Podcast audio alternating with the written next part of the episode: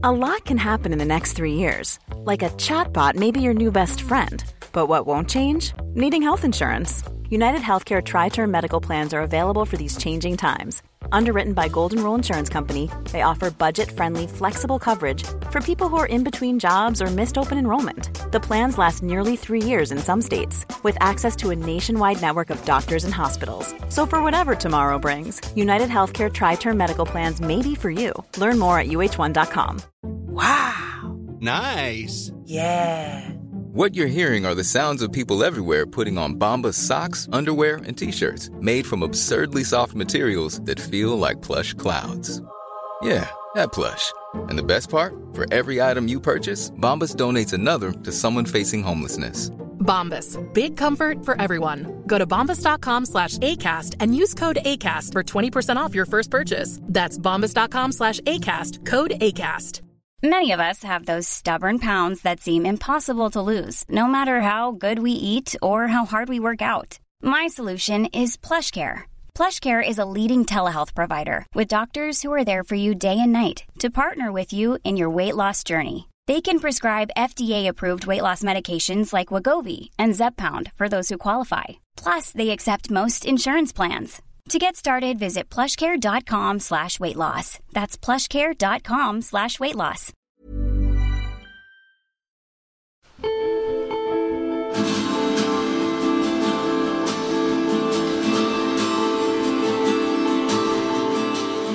Hei og velkommen til uh, Kaptare-podkast, en uh, spesialepisode.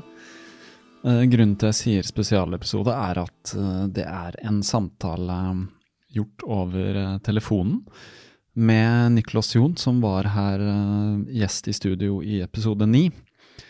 Uh, jeg snakket med han i forkant av at han skulle løpe Berlin Maraton.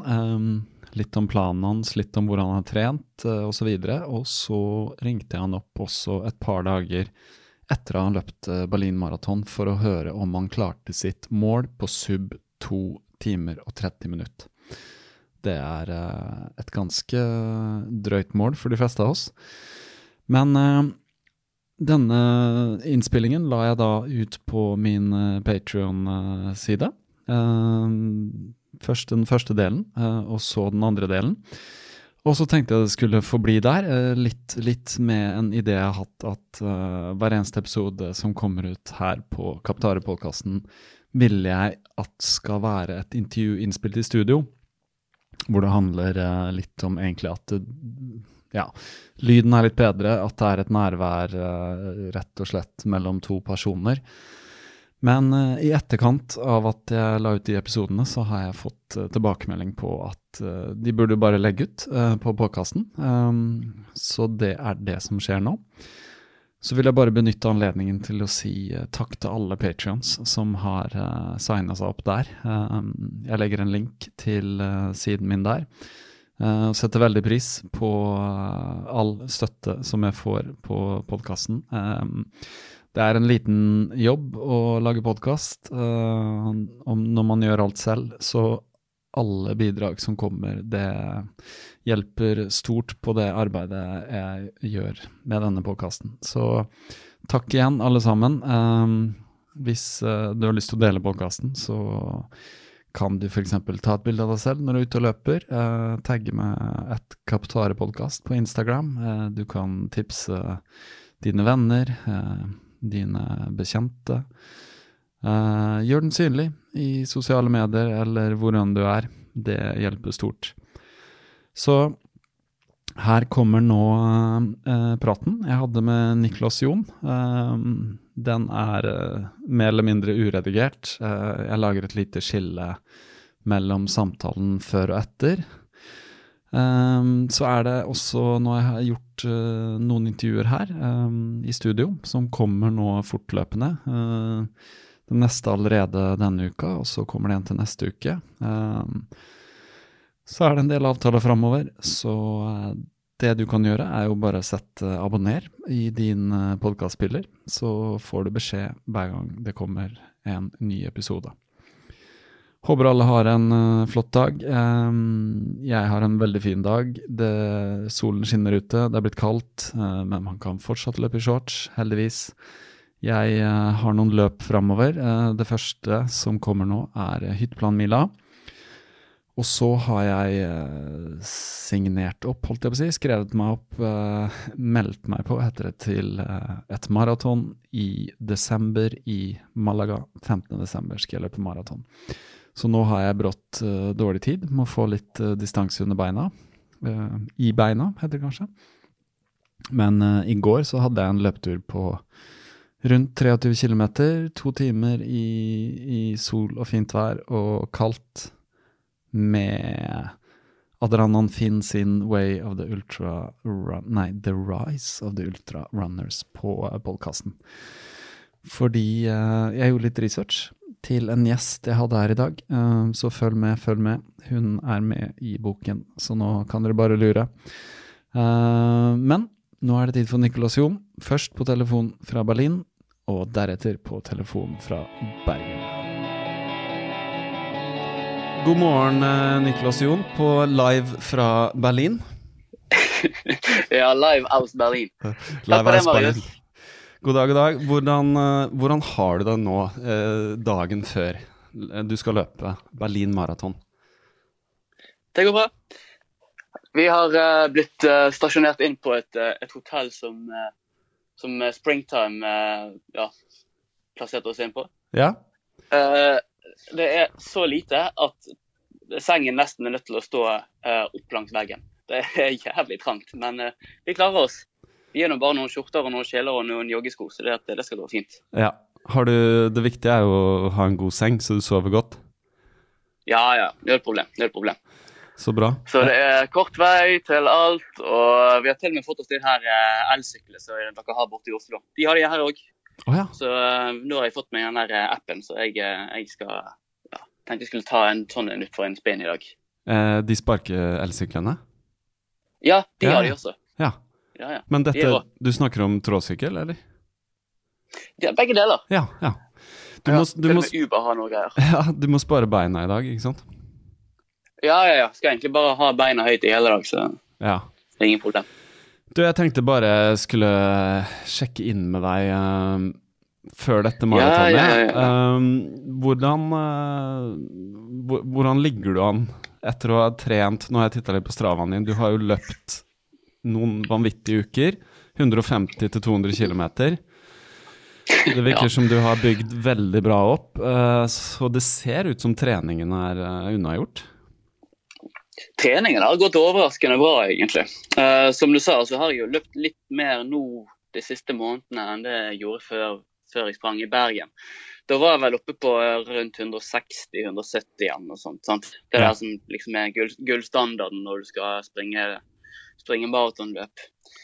Og jeg trodde det var det som var, det var, det som var maksimum, og skal du mer enn det, så, så begynner det å bli alvor. Men uh, nå, litt av forskjellen fra sist gang er det at nå har jeg plutselig fått meg trener. da. Oi. Ja, så det, nå begynner det liksom å bli, uh, bli litt alvor her. Så det, nå kan jeg liksom bare late som at jeg er god. Nå, uh, nå har jeg liksom litt sånn å svare for, virker det som. Så det er jo litt stress. Men, uh, men nei, det har egentlig gått ganske greit. Altså. De siste to-tre ukene så har jeg liksom lagt oppe på 200 km uten at jeg har følt at det har kostet meg noe særlig mer. Annet enn at jeg føler jo at jeg har stagnert som musiker. Jeg kun på løping. Ja, ikke sant. Får du, får du spilt noe gitar, da? Særdeles lite, altså. Ja. Jo, jeg spiller, spiller litt. Eh, Vi har jo selvfølgelig turnert og vi øver jo fortsatt. Vi har jo, vi har jo mange konserter foran oss, spesielt nå i november. så skal vi jo, Da skal vi jo spille fire-fem konserter bare i Bergen. ikke sant? Ah. Vi skal spille, på, vi skal spille to konserter i Håkonshallen. Og så skal vi vel forsøke å fylle opp eh, verftet en to-tre ganger også. Så det, at, eh, det blir mye, mye å gjøre fremover. Men, eh, men nå har vi i hvert fall dette her, da. Skulle jeg egentlig spille en konsert i går på eh, på Vill Vill Vest sammen med Vest-Indien, som er det andre bandet som jeg spiller i. Men, eh, men da satt jeg dessverre her nede, så Ja. det, da måtte de rett og slett klare seg uten meg. Men det, det tror jeg de klarer. De er jo tre gitarister allerede, så det, Ah, at, ok. eh, ja, det mangler ikke bare gitarister i det bandet jeg spiller i. Ok, ja, men bra. Men Ja. du er vel ganske uunnværlig allikevel, med din særegne stil. Å, det var fint sagt. Ja. Men du, um, men det, det høres bra ut, men uh, du får vel tid til et, etterpå nå, etter maraton nå, da har du vel tid til å, til å gjøre noe annet, regner jeg med? Eller er det, går, går det jeg- slag i slag? Jeg skal si ingenting. Jeg har jeg tror ikke jeg har drukket så mye Munkholm de siste tre-fire ukene eh, noensinne i mitt liv. Og kommer sannsynligvis aldri til å gjøre det igjen. For nå begynner jeg å bli jævla lei. Ja. Er, det noen kalorier i Munkholm, eller? tar eh, jeg, Nei, men det er vel kanskje bare litt sånn her eh, En slags uh, erstatning, da, for, Ja, eh, for øl. Drikker du, greit, det. ja, drikker du vørterøl, forresten? Liker du det? Nei, det kan du få billig av meg. Jeg Ja, okay. ok. en, jeg Ja, en ja. der med OL-ringene på. Jeg vet ikke hvem som har den. Jeg tror det er, det er kanskje Ja. Ringnes sin.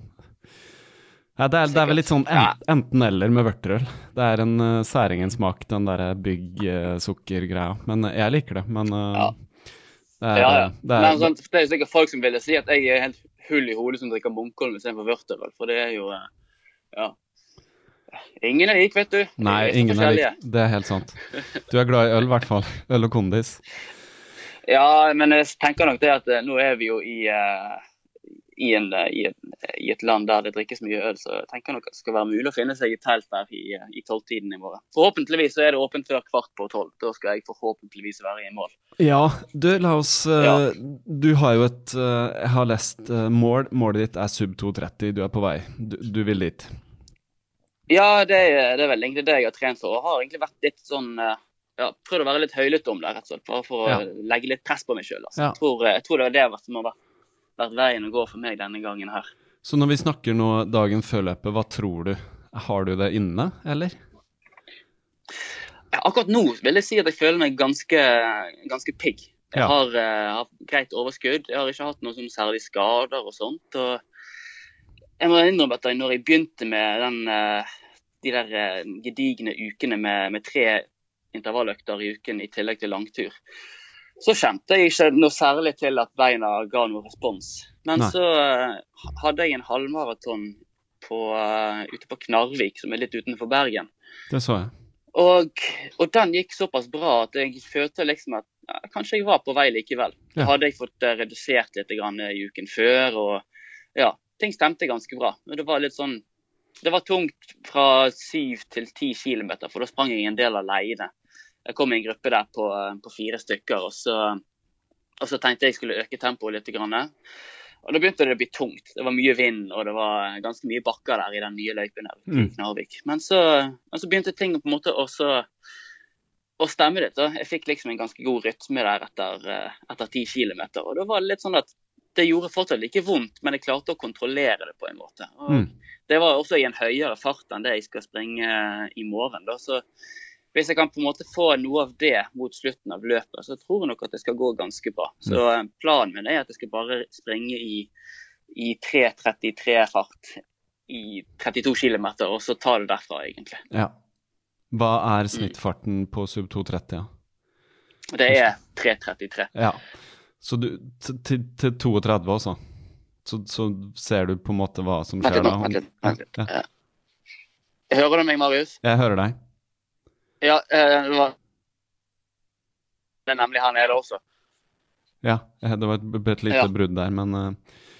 OK. Nei, vi er her. Jeg er her fortsatt. Ja, ja. Hvor, hvor var jeg? Det kan, det kan godt hende han ringer opp igjen. Han er, han er ganske intens på det der hvis det faller ut. Da bare prøver han til han får svar. hvem sa du? Min far. Å, din far, ja. Ja, ja, Du må gjerne ja. bare ta deg bryet og sende tekstmeldinger vi, vi, vi skal ikke snakke så innmari lenge. Um, planen er Nei, nei, at vi, vi tar en liten uh, pre-talk nå. Og så tar vi en liten uh, etterpåprat. Uh, om det blir på mandag, kanskje. Når reiser du hjem på mandag? Jeg reiser hjem seks-syv-tiden, kanskje. På kvelden, ja. Så ja. Da Ja. skal jeg innom Kastrup. Jeg skal innom Kastrup der, da. Ja. Så du kan jo snakke med meg da. Det kan jeg. Det kan vi bare finne Ja. ut uh, seinere. Men altså, Ja, sub 230, jeg, for å si det sånn, jeg har tro på deg. Helt klart. Um, Ja. Jeg har ikke sett på maken til uh, treningsiver, altså. Nå, uh, og det er jo uh, ikke bare treningsiver, det virker som mye glede òg. Det er mye Ja, smil. skal, jeg, skal, jeg, skal, jeg, skal jeg innrømme noe, Marius? Gjør det. Vær ærlig. Ja, det er lov å ha, lov å ha dørstokkbil når du har eh, sub 230 som mål også. Jeg Ja. skal love deg. Ja. Ja. Ja, ja.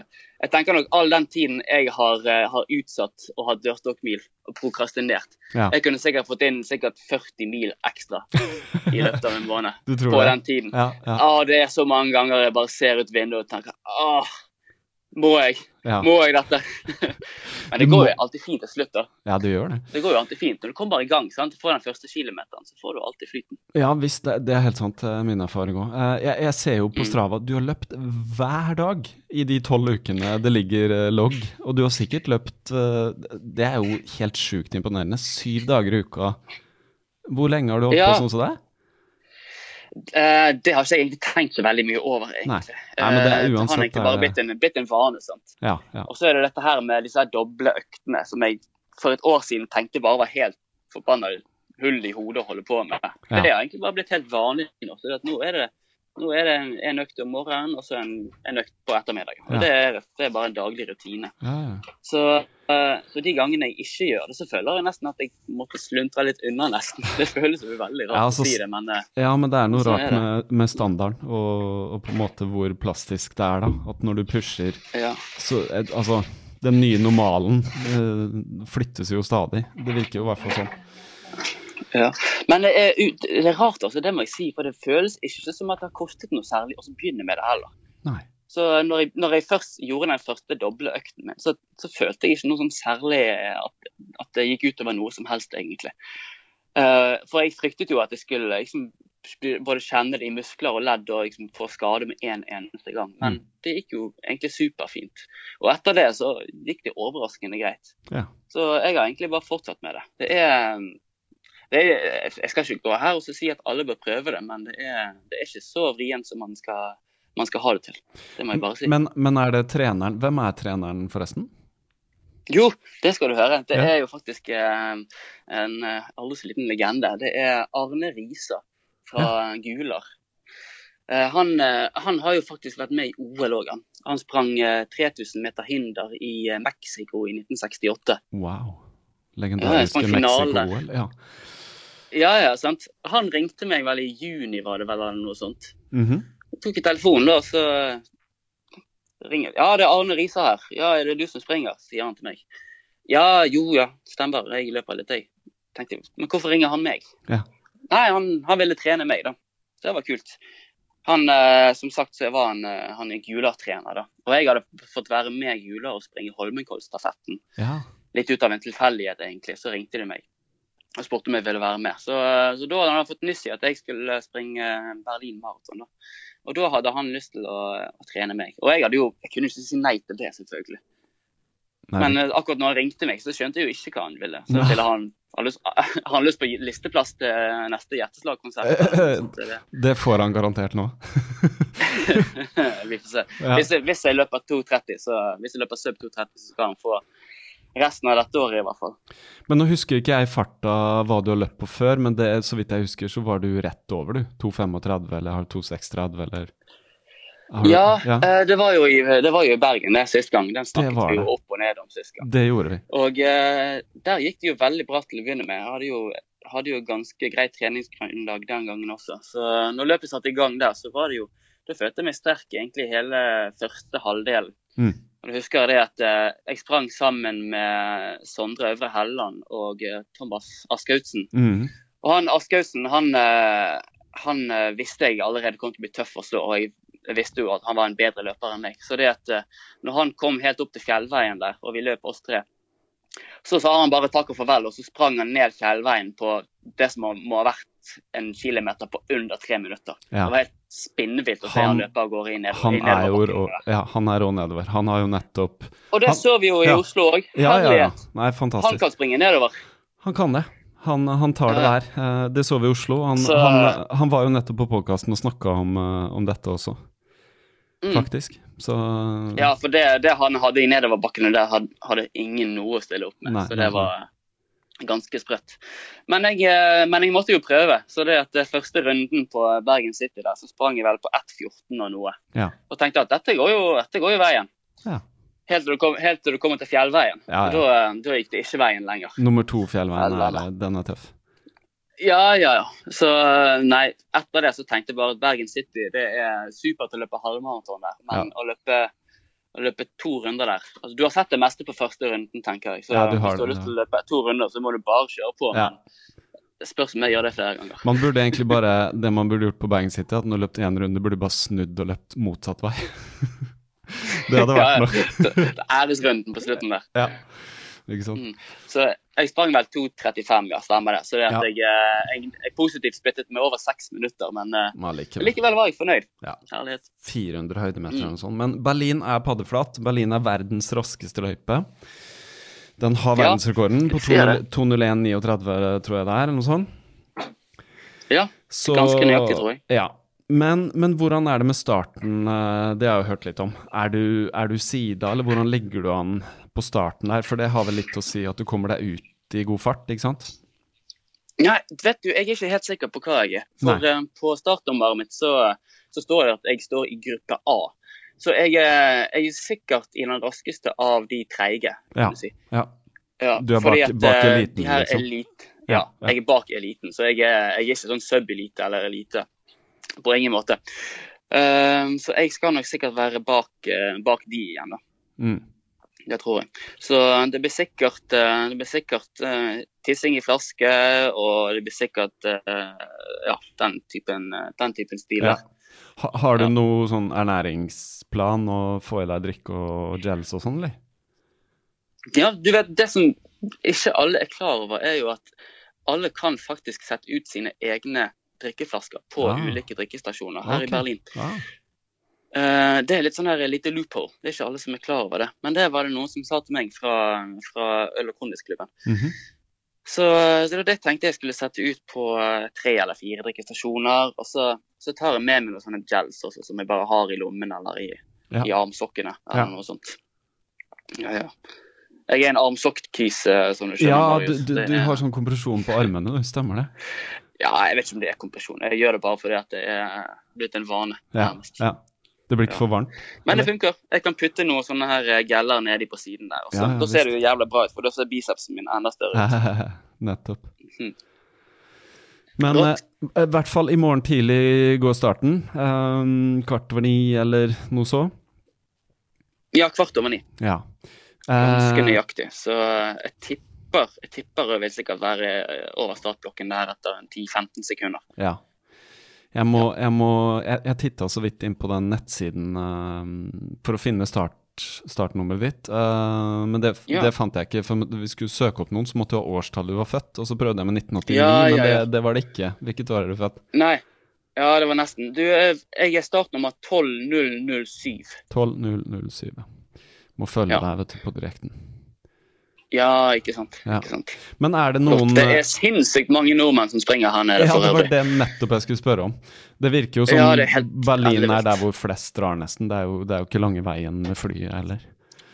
Nei, nei. Du, jeg, eh, jeg satt også og lekte litt med tanken om at eh, hvis jeg springer 2,29, Ja. så kan det jo hende at det blir blant de 100 beste her. Ja. Er det sant? Uh, yes. Men sannsynligheten er jo egentlig eh, Ja, hva skal man si?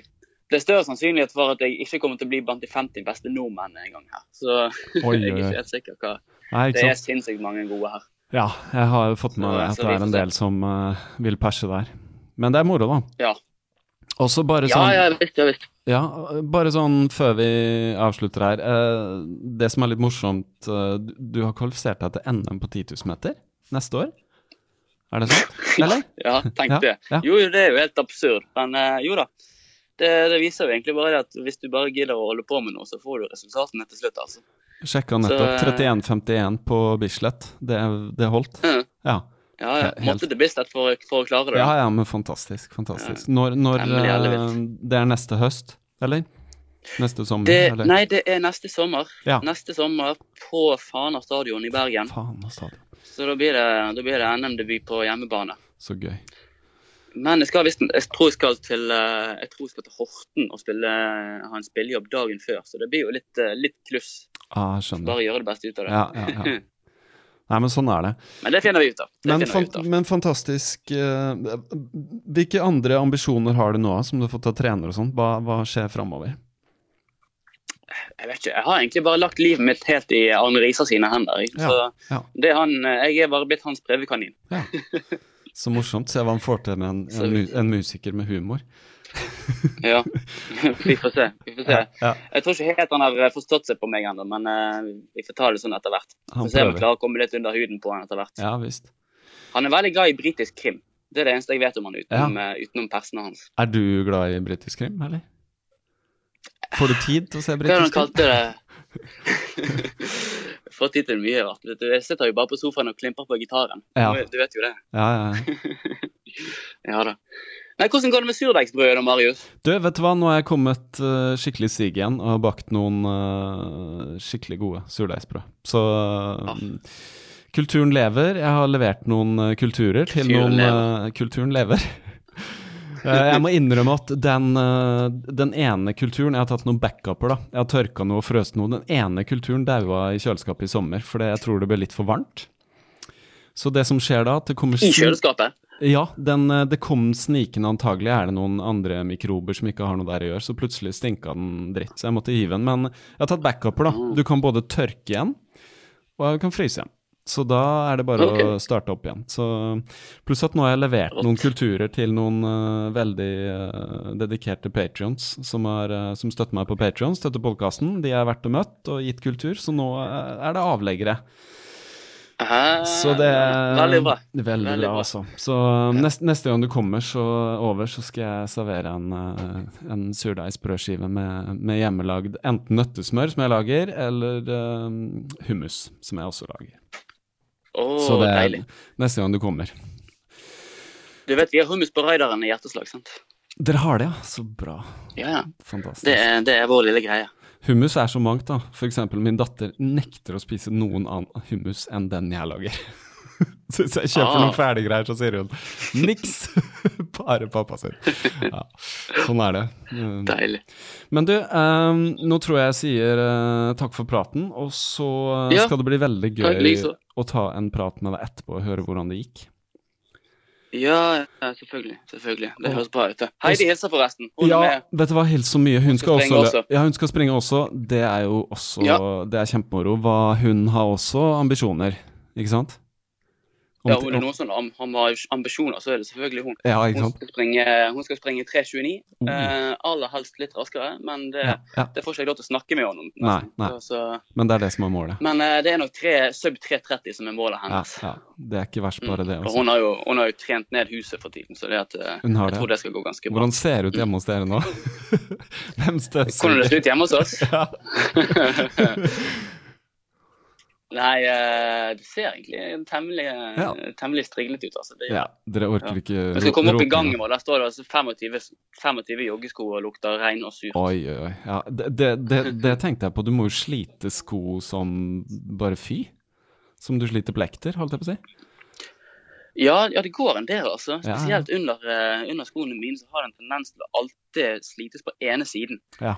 Men det er vel, så, det er vel bare som man springer. Det er sånn. løpesteget. Ja. Så, ja. ja. ja, så det blir, en, det blir vel en seks-syv sko i løpet av uh, året. ja. Du får få deg en sponsor. Nå underestimerer jeg noe helt sinnssykt, bare så du er klar over det. Ja, ja. Det er sikkert dobbelt, men eh, det snakker ikke vi om. Nei, nei, ikke sant. Kan ikke si det høyt. Nei, jeg vet ikke. Det var liksom, Jeg tenkte litt på det der i fjor. liksom. Når er det liksom budsjettet mitt for løping går over budsjettet mitt for musikk? Ja, det er det. Og det var antageligvis i fjor. Og Jeg vet ikke om det er det som avgjør om jeg er en løper eller om jeg er en musiker. Ja, det er en kombinasjon, tenker jeg. En god kombinasjon. Ja, ja for du kan kjøpe ti joggesko, og du kan likevel kjøpe kun en halv gitar, og så vil du likevel ha brukt mer penger på den gitaren. ja.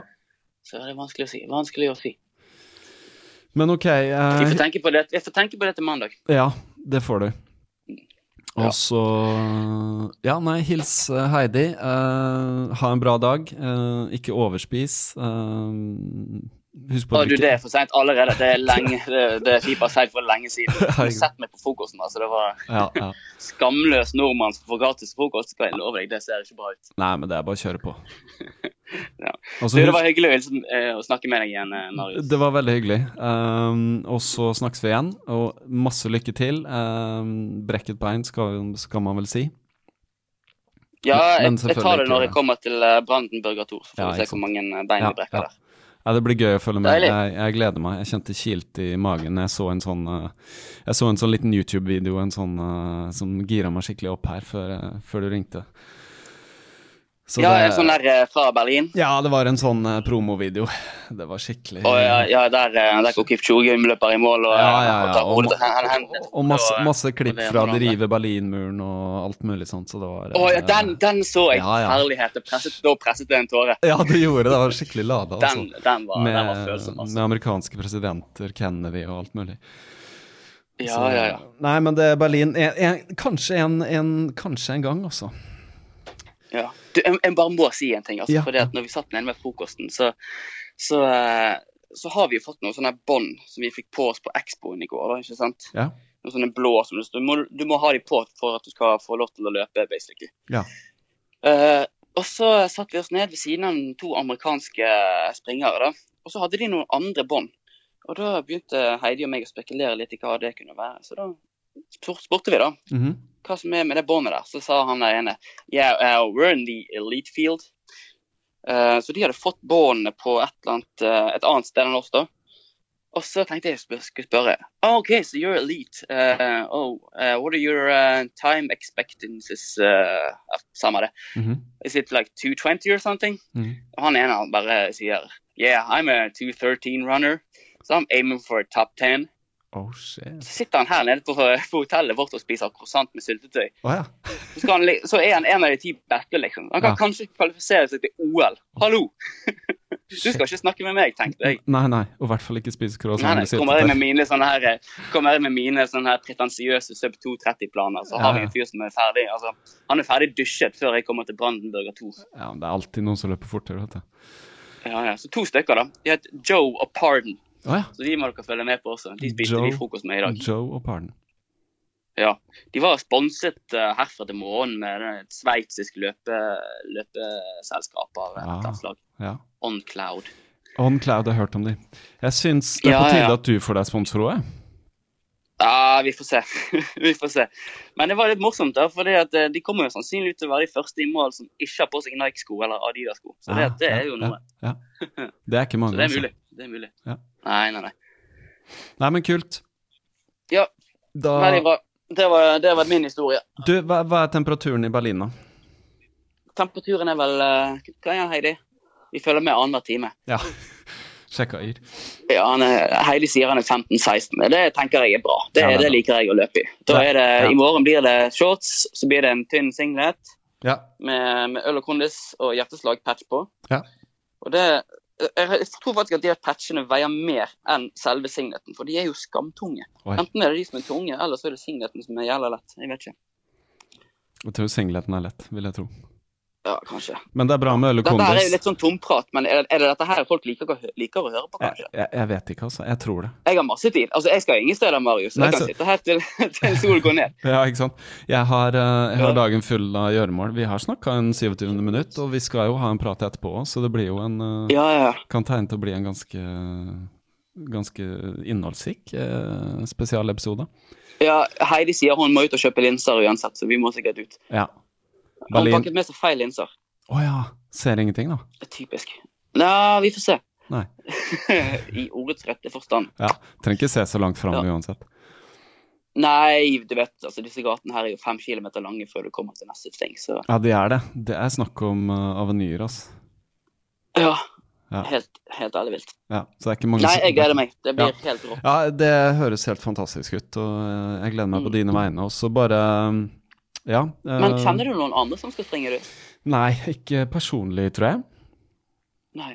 uh, Kjenner vel til noen, men uh, Nei, jeg, nei jeg, jeg tror ikke det. Men nå har jeg ikke, må innrømme at jeg har ikke fulgt så veldig med heller, hvem som skal springe. Men det er jo sikkert, sikkert mange som er eh, Ja, jeg tror det er et, et, et, er et vell av nordmenn som skal springe her nede. Ja, så ja. det, er, det er mer enn nok. Så du, du jeg kjenner sikkert noen som kjenner noen. det, det gjør jeg sikkert. Er det noen Er flere fra Bergen, eller?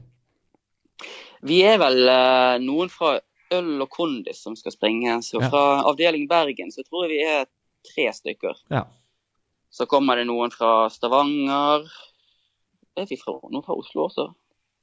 Ja. En fra Oslo, som Ja. egentlig er fra Stavanger. Ja. Og så en fra Stavanger, som egentlig er fra Tyskland. Og så har du eh, en i Bergen, som egentlig er fra Sandnes.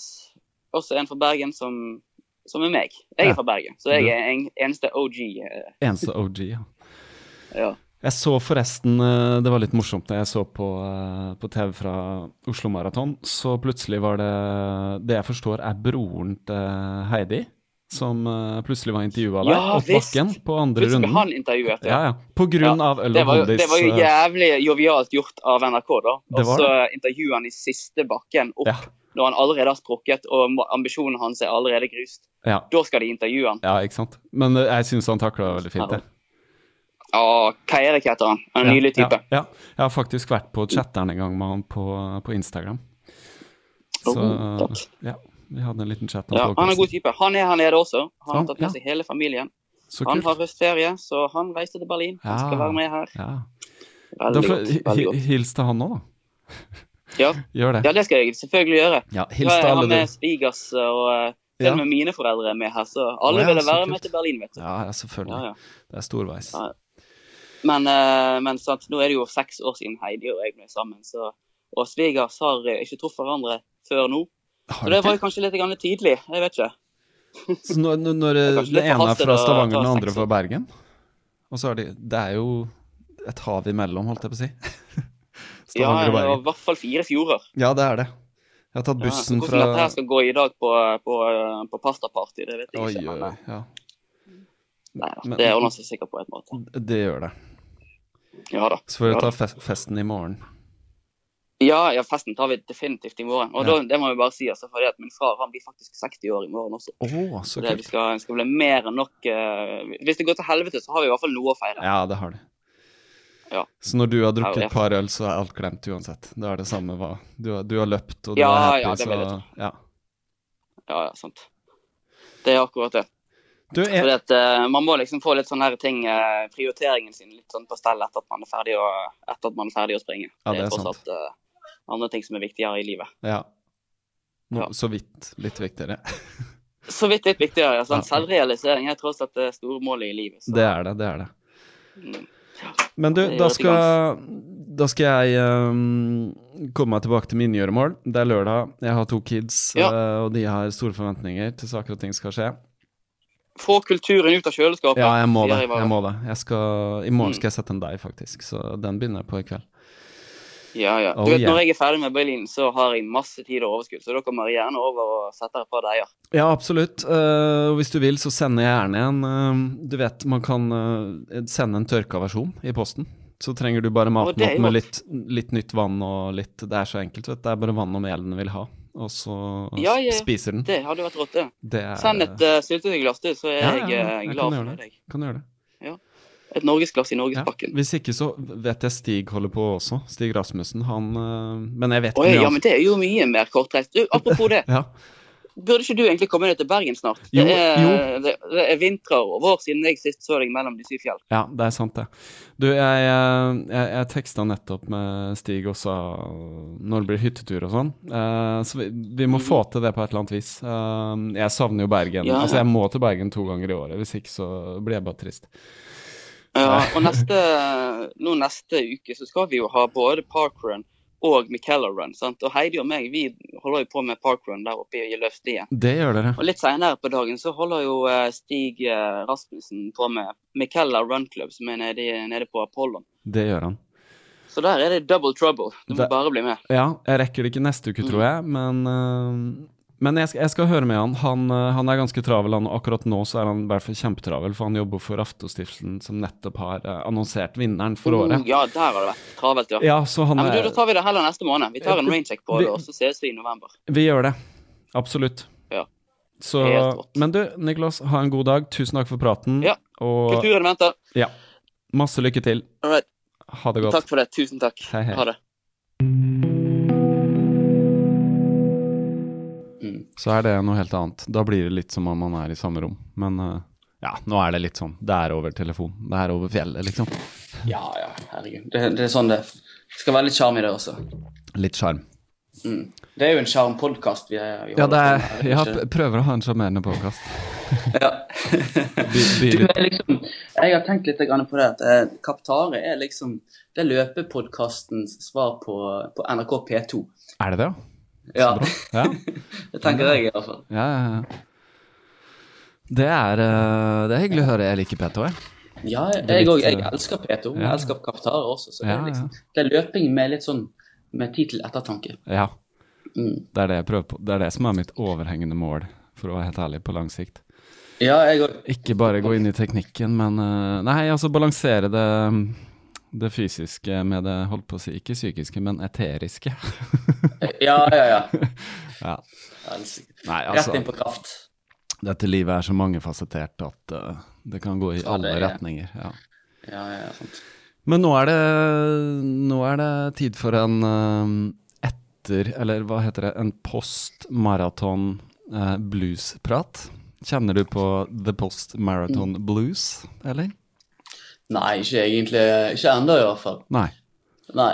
Det Jeg har, jeg har hatt noen ganske fine dager nå etter, etter Berlin, det må jeg si. Og jeg, eh, jeg føler meg såpass fornøyd med, med hvordan, hvordan det gikk, så jeg har ikke hatt noen sånn særlig depresjon. altså Det ser jeg ingen grunn til. Det Jeg føler meg egentlig ganske glad og fornøyd. Det har det sikkert med å gjøre at det gikk såpass bra, ja. ja, for å bare ta det helt, eh, helt tilbake, så, så du klarte målet ditt Ja, eh, med god margin.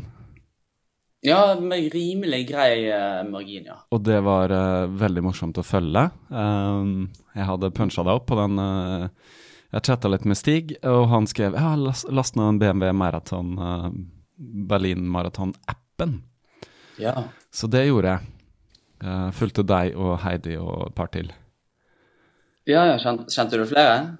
Eh, ja, jeg fulgte Hva heter hun? Therese Falk og han Ulriksen. Mm, ja, ja, ja, sant. Som jeg Stemmer liksom ville, ville lurt litt på, siden de hadde noen mål, de òg.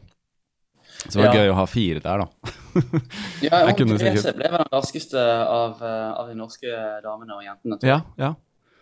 Jeg tror hun hadde et mål om noe sub tre, men jeg så at det Ja, det gikk litt over. Men eh, Ja, okay, litt det var bra, bra, bra var det dog. Men, eh, men for å bare ta deg Fortell, fortell om uh, løpet. Ja, faen, vi begynner, da. Så det hvor, er jo hvor skal man begynne? Hva, fikk du sove natten før? Nei, nei, på ingen måte. Nei, Altså, for å si det sånn, nå har jeg egentlig Jeg kom hjem til Bergen i, uh, i går eh, på natten en gang. Mhm. Og har liksom ikke fått muligheten til å sette meg ned og så tenke over egentlig hvordan, eh, hvordan egentlig det løpet gikk til, og hva faen som egentlig skjedde. Ja. Så, så det blir egentlig bare litt sånn der eh, Ta det rett ut fra Ta det rett ut fra hodet, ting som jeg kommer på nå, egentlig. Ja, Men ja, eh, ja. vi får bare kjøre på. Det er jo sånn, det er sånn jeg pleier å gjøre det. Ja da. Ja, så, Dette er om en, kanskje enda mer uformelt enn vanlig. Ja, herlig. Nei, søvn ingenting. Uh, Da- nei, altså jeg sov, ingenting? eh, Du må ha jeg av, eller? Kanskje fem timer. Ja, fem timer, tror jeg. Ja.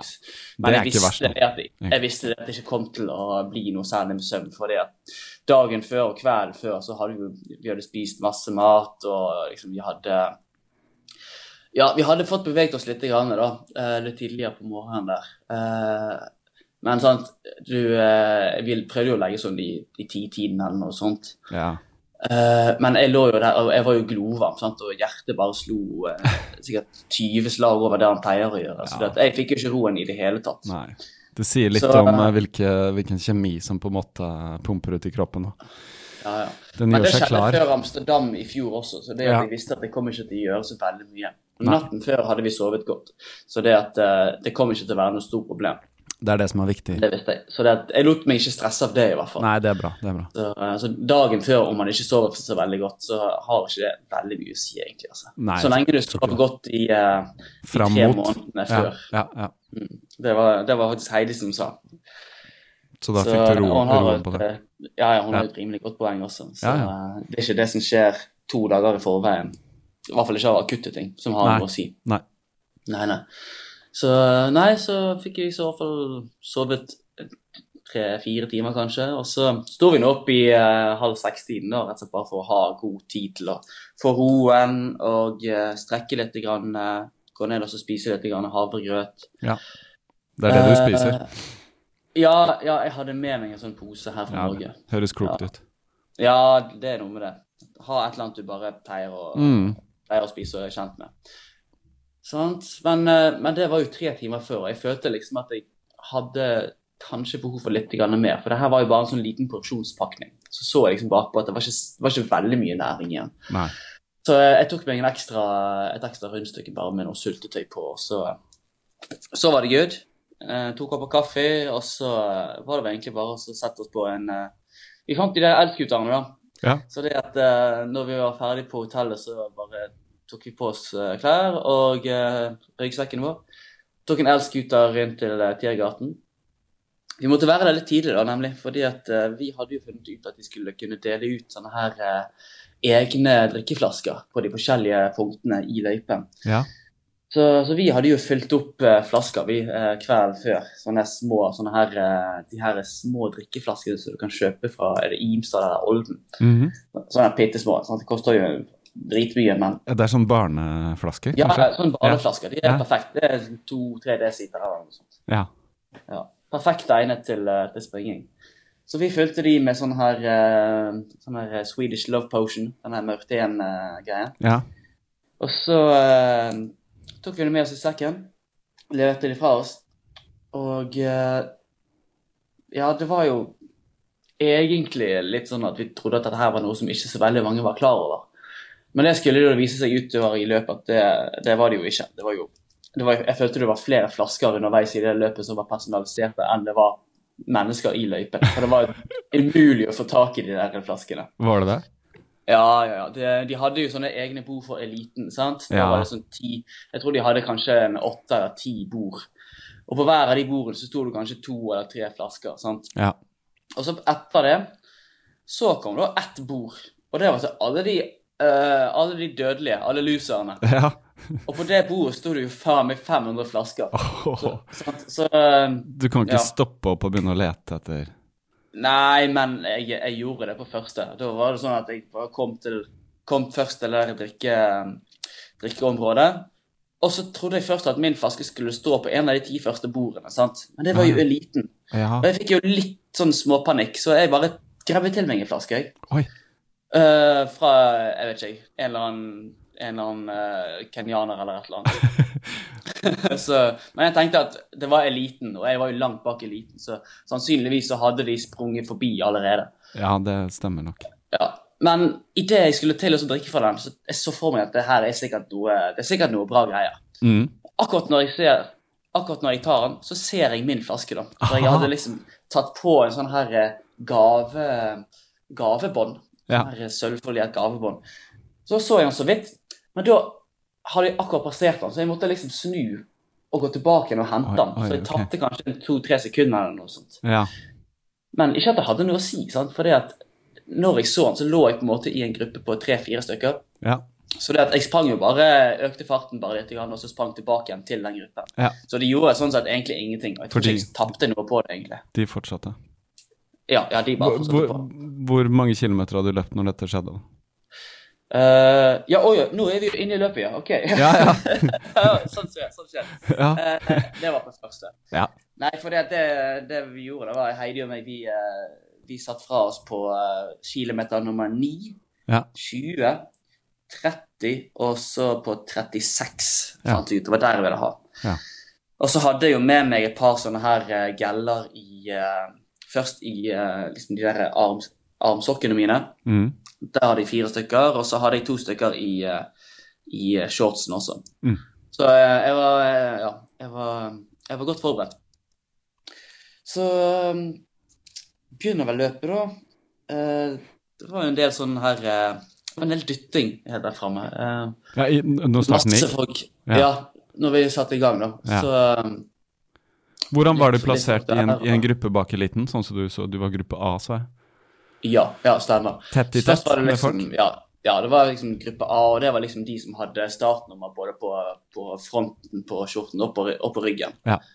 Ja, og så, var det oss, eh, oss andre. Og det var jo eh, så ut som at det var en del du begynne med. Jeg tror det var kanskje 200-300 stykker som skulle inn der i den første slusen. Ja. Kanskje, kanskje mer òg, for alt jeg vet. Mm. Sikkert det. Mm. Eh, mye trengsel, selvfølgelig. Mange folk som skulle, mange folk som skulle finne den beste posisjonen. Mm. Og så tenkte jeg liksom et halvt minutt før eller noe sånt, så, så fant jeg noen nordmenn som jeg kjente igjen. For jeg, eh, jeg visste hvem de var. Så da tenkte jeg skulle prøve å alliere meg med de, og så høre hva tider de hadde tenkt å springe. Mm. Og da visste jeg blant annet at det var en fyr der, han fra Simen. Han, eh, han eh, har sprunget eh, 2,29 før, vet jeg. Han sprang 2,29 i Berlin i fjor. Mhm. Og han tror jeg hadde planer om å springe sånn rundt 2,25 eller noe sånt. Mm. Men sammen med han så var det noen andre løpere også, så, eh, og de skulle springe 2,30. Så tenkte jeg ok, jeg kan prøve å alliere meg litt med de i hvert fall. Mm. Men når startskuddet gikk, da, så tok, tok det vel en eh, ti sekunder før, uh, før jeg liksom krysset. da. Mm. Og uh, derfor så var det jo en ellevill trengsel. Sant? Og det var jo, Ja. uh, Fra starten der så er det jo to veier som, eh, som er delt. Sånn, Veien skilt i to. Så det at, du hadde jo folk som drev og hoppet fra side til side over sånn liten sånn brosteinøy som skiller veien der. Ah, ja. For å Sant? finne en prøve å posisjon? Finne, ja. ja, Ja. for, for, for å prøve å finne den raskeste veien. Sånn. Ja, så det det, er bare å løpe i stikksakk. Det er litt risikabelt, egentlig. Men Ja, akkurat, akkurat hvorfor de gjorde det, skjønner jeg ikke. For det var jo, det var jo bare å finne, finne rytmen på, på den veien som du hadde. Så jeg la meg bare etter, eh, etter han Simen, jeg.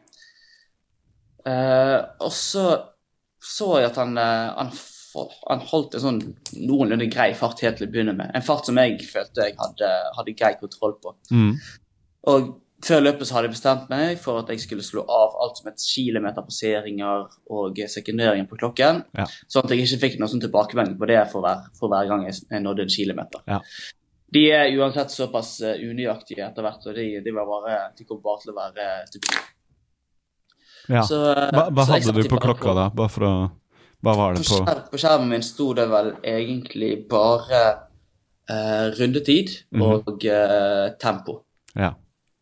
Men Så, rundetid To skjermer. Ja. Ja, altså tempoet, mener jeg. Så rundetid, Tempo- da, Tempo og avstand, eller? Ja. For jeg tenkte jeg skulle sekundere hver femte kilometer manuelt sjøl. Ja, ok. Ja. Ja, det var planen. Mm. Så eh, for å kunne klare seg 2,30, så måtte jeg springe 17,45 Mm. på, eh, for hver femte kilometer. ja. Så det var det jeg måtte se for meg, da. ja. At Så, du, eh, hver så du fikk skulle stå 17,45 på klokken. Ja, altså had- Hadde du satt klokka på å gi deg en sekundering på hver femte? Eller? Nei, jeg bare Nei. slo av det. Så jeg, når jeg kom til femte kilometer, Så trykte du, ja. jeg på klokken Ja, jeg skjønner. skjønner. Bare sekunderte jeg manuelt. Ja, For det er det jeg løper med som oftest Mm. uh, nå for tiden. På, automatisk på fem kilometer, da. Så jeg vet. Mm. Ja, ikke sant. Ja, du, eh, og selv når du gjør det manuelt, så føler du at du har mer kontroll. For Ja, da vet ja. hva du faktisk har løpt, og hva du har- faktisk har igjen. Var det lett å se hvor du var i løypa? Altså antall kilometer? De skiltene og sånn? Ja, det er jo bare, det er bare flate strekk i uh, Berlin. Så jeg ja. så jo Man kan jo se tre-fire kilometer foran seg hvis man er høy nok. Ja. Ja. Så det var enkelt. å- Lange, lange, deilige, deilige strekk. For det var første gangen din i Berlin, ikke sant? Så, ja, Ja. det var det.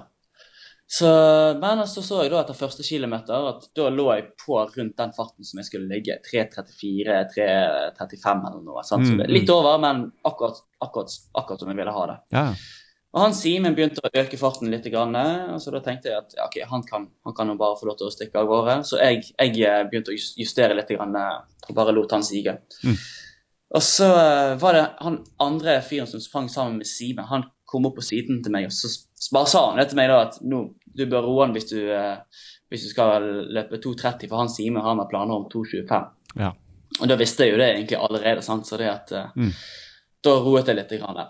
Så, så, så de to de sprang liksom litt av gårde, da, og så etter tror jeg kanskje to-tre kilometer, så var de da allerede 30-40 meter foran meg. Så Ja. det var egentlig bare til å la de, la de fare av gårde. Ja. Så etter første fem kilometerne så var det jo skamf, skamfullt med folk. altså Det var helt ellevilt mye, både i løypen og, eh, og langs løypen. Sant? Masse folk. Det var et jævla liv. Det var sinnssykt gøy. ja, så kult, da. Så du fikk en skikkelig Mm. energiboost? Ja, ja, ja. Ja, ja, ja, jeg gjorde det. sant? Og De første fem kilometerne de går jo superlett På, sant? Det jo, var jo ingenting eh, ingenting som føltes noe særlig vanskelig der. altså. Nei, nei. Så første fem kilometerne så tror jeg jeg passerte på rundt 17,40. Mm. Så hadde jeg en tre-fire sekunder i banken. Ja. Men eh, men jeg hadde liksom ikke helt funnet flyten, da. Eh, så når jeg kom til 10. kilometeren altså til 15., så var det litt sånn der Så drev jeg egentlig bare og løp sånn sånn fram og tilbake. Jeg klarte ikke helt å finne min posisjon.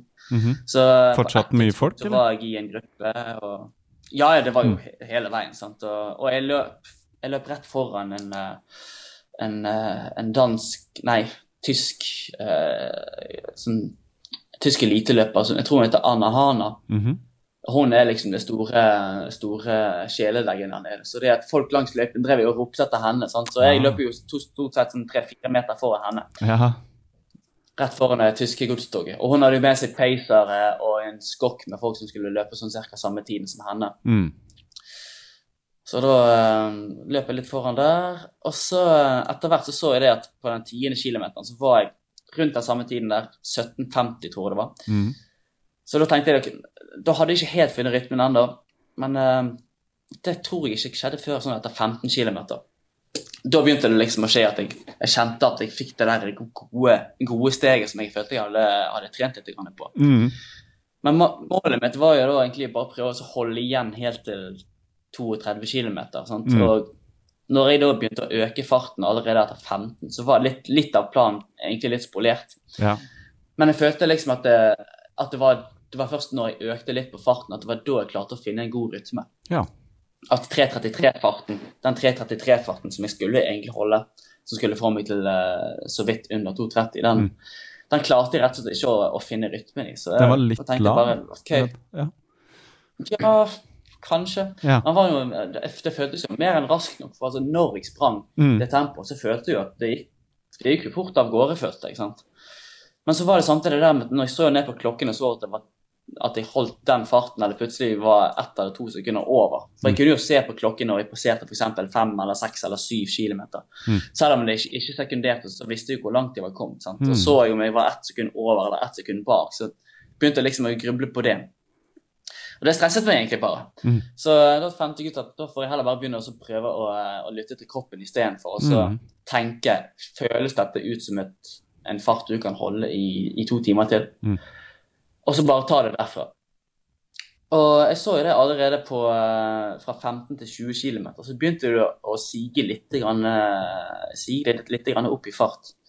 Så da hadde jeg plutselig fått eh, 17,30 på de neste 50. Så det jo, eh, da var det jo 15 sekunder foran skjema bare på de, de fem kilometerne. Ja, for jeg, jeg, jeg ser tidene som du posta på Første fem gikk på 1741, og så gikk det på 1750. Og så til 15 1746, og så Mm. 15 til 20 så er du på 1732, altså 331. Så etter å ha ligget 15 Ja. km akkurat på 333, 334, så er du på 331. Opp til 20, fra 15 Ja, til 20, så da, du økte farten der. Ja. Uh, og det, det føltes egentlig helt greit. Da hadde liksom denne gruppen som jeg lå i, den lå liksom litt sånn baki der. Sant? For jeg kunne egentlig høre ganske lenge når jeg var foran den der eh, gruppen med hun der Anahana. Anna Hana. Mm.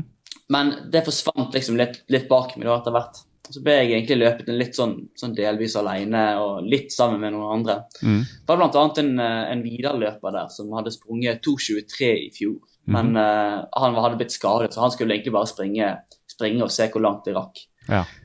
Uh, men han, uh, han tror jeg sprang meg sånn i, fram til 15 eller 16, og så begynte jeg bare å springe litt sånn, sånn for meg sjøl. 20-25 Ja, fortsatte egentlig bare å løpe, løpe jevnt og trutt der. Du Masse folk i løypen selvfølgelig hele veien. du økte farten ytterligere, med, fra 20 til 25, 329-fart, 1724. Ja, sant. Ja. Så da begynte du liksom all, allerede der så begynte jeg liksom å kjenne det at eh, dette her kan jo faktisk holde Jeg kan holde dette her gående ganske lenge. Så da begynte jeg på en måte å justere opp forventningene mine til meg sjøl også litt. Jeg, Mm.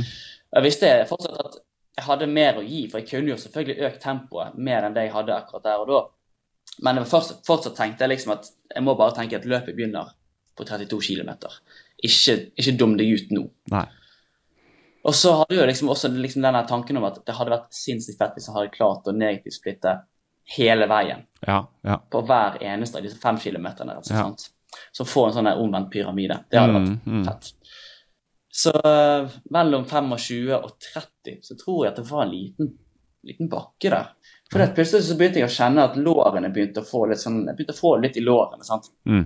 Og da fikk jeg litt sånn der, eh, fikk en, kom jeg litt sånn der i en sånn negativ, eh, negativ uh, ta, tankesett der. Mhm. Men jeg hadde, jeg hadde sagt til meg sjøl på forhånd at uh, jeg, jeg kunne, skulle kun tillate meg sjøl å ha ti sånne negative følelser i løpet av løpet. Mm. Og eh, da hadde jeg kun hatt én i forkant, og det var på 14. På 14 km, og da hadde jeg ikke funnet, den rytmen ennå. Mm. Og så visste jeg at jeg hadde jo jeg hadde ikke løpt en time engang. Og da tenkte jeg faktisk for meg sjøl at hvorfor i helvete holder jeg på med dette her? Dette her er jo jævlig kjedelig. ja. etter, ja, etter 14 det er ikke halvveis engang. sant? Nei, nei, nei. Uh, men for det, da kjedet det meg, liksom. Det var ikke noe, det var ikke noe eh, folk jeg kunne springe med, og det var litt motvind, og jeg hadde ikke liksom helt troen. Mm. Men etter 25 eller 26 så begynte den der eh, så begynte den å, å eh, den bakken den begynte å stagnere litt. Og så plutselig så kjente jeg at det gikk nedover igjen. Ja. Og da fikk jeg plutselig en skikkelig god rytme igjen. Så da var jeg plutselig nede på eh, ja, sikkert godt ned på noe sånn her eh, halvmaraton og 10 km fart. Så Ja, det føltes i hvert fall som det var sånn 3.20-3.15 kanskje. Slakt, nedover. Ja. Slakt, slakt nedover, rett og slett. Mm, mm. Så når jeg kom til 30, 30 km der, så hadde jeg plutselig en, eh, en 17.24 eller hva det var. ja, du har det. Jeg, jeg ser på det, skjønner du. Og det, det, ja. det som er utrolig, at du har nøyaktig uh, 1724 som de forrige fem. Altså det er to helt like fem kilometer splitter Mm. på rad. Ja, ja. Ifølge det, dataene. det er jo litt rart òg. Ja, Det- men det kan sikkert stemme, det. Ja, jeg ser Men Jeg føltes titter på den du har jeg posta på At jeg hadde liksom den riktige ja. For da har jeg sikkert eh, Jeg har sikkert mistet noen sekunder på oppoverbakken, og så tatt de ned tatt de tilbake igjen på nedoverbakken. Mest sannsynlig. Jeg føltes i hvert fall sånn. Ja. Ja. Men er det Så, noen bak eh, bakker å snakke om, eller? til eh, Nei, det er jo ikke det. Nei, altså, det er en liten sånn der Det er en sånn liten stigning. Litt sånn som hvis du skal se fra, fra Karl Johan og opp til Slottet. Ja, ikke sant. kanskje. Ja. Uh, så det er ingenting. Men eh, akkurat nok til at lårene begynte å, liksom, å kjenne det. Ja. Men liksom, hvis du snakker om bakker i forhold til Bergen, f.eks., så er jo dette her er jo vinter og det er vinter og vår. ja, ja, ja. Så dette her var, det var ingenting. Så uh, 30, av. Uh, prøver fortsatt å holde litt igjen. Så kom jeg til 32. Og da ser jeg faktisk han her, eh, han Simen, han som vi snakket om, han, eh, han som skulle springe 2,25. Mm. Da kunne jeg faktisk begynne å se han et stykke foran meg. Så etter en fire-fem minutter eller noe sånt, så, så passerte jeg han, da. Og så prøvde jeg å liksom, motivere han litt, og prøve å få han med meg på, eh, på ryggen. Mm -hmm. uh, men jeg tror, han, jeg tror han rett og slett hadde litt tung, tung avslutning. Og han Mm. har jo faktisk sprunget Jeg tror han sprang sånn 50 km ultraløp bare for noen uker siden. Han sprang jo for landslaget. ja, er det han, ja? Ja, ja. Han fikk jo til- tilbud om det. Ja, Ja. Så han, eh, han gjorde jo selvfølgelig det. Mm. Så jeg har mistanke om at det kanskje var det som gjorde at han sleit litt på slutten der. Det kan være, altså. Og det kan jeg, det kan jeg levende se for meg. altså. Det var sikkert Mm. tungt. Mm. Ja.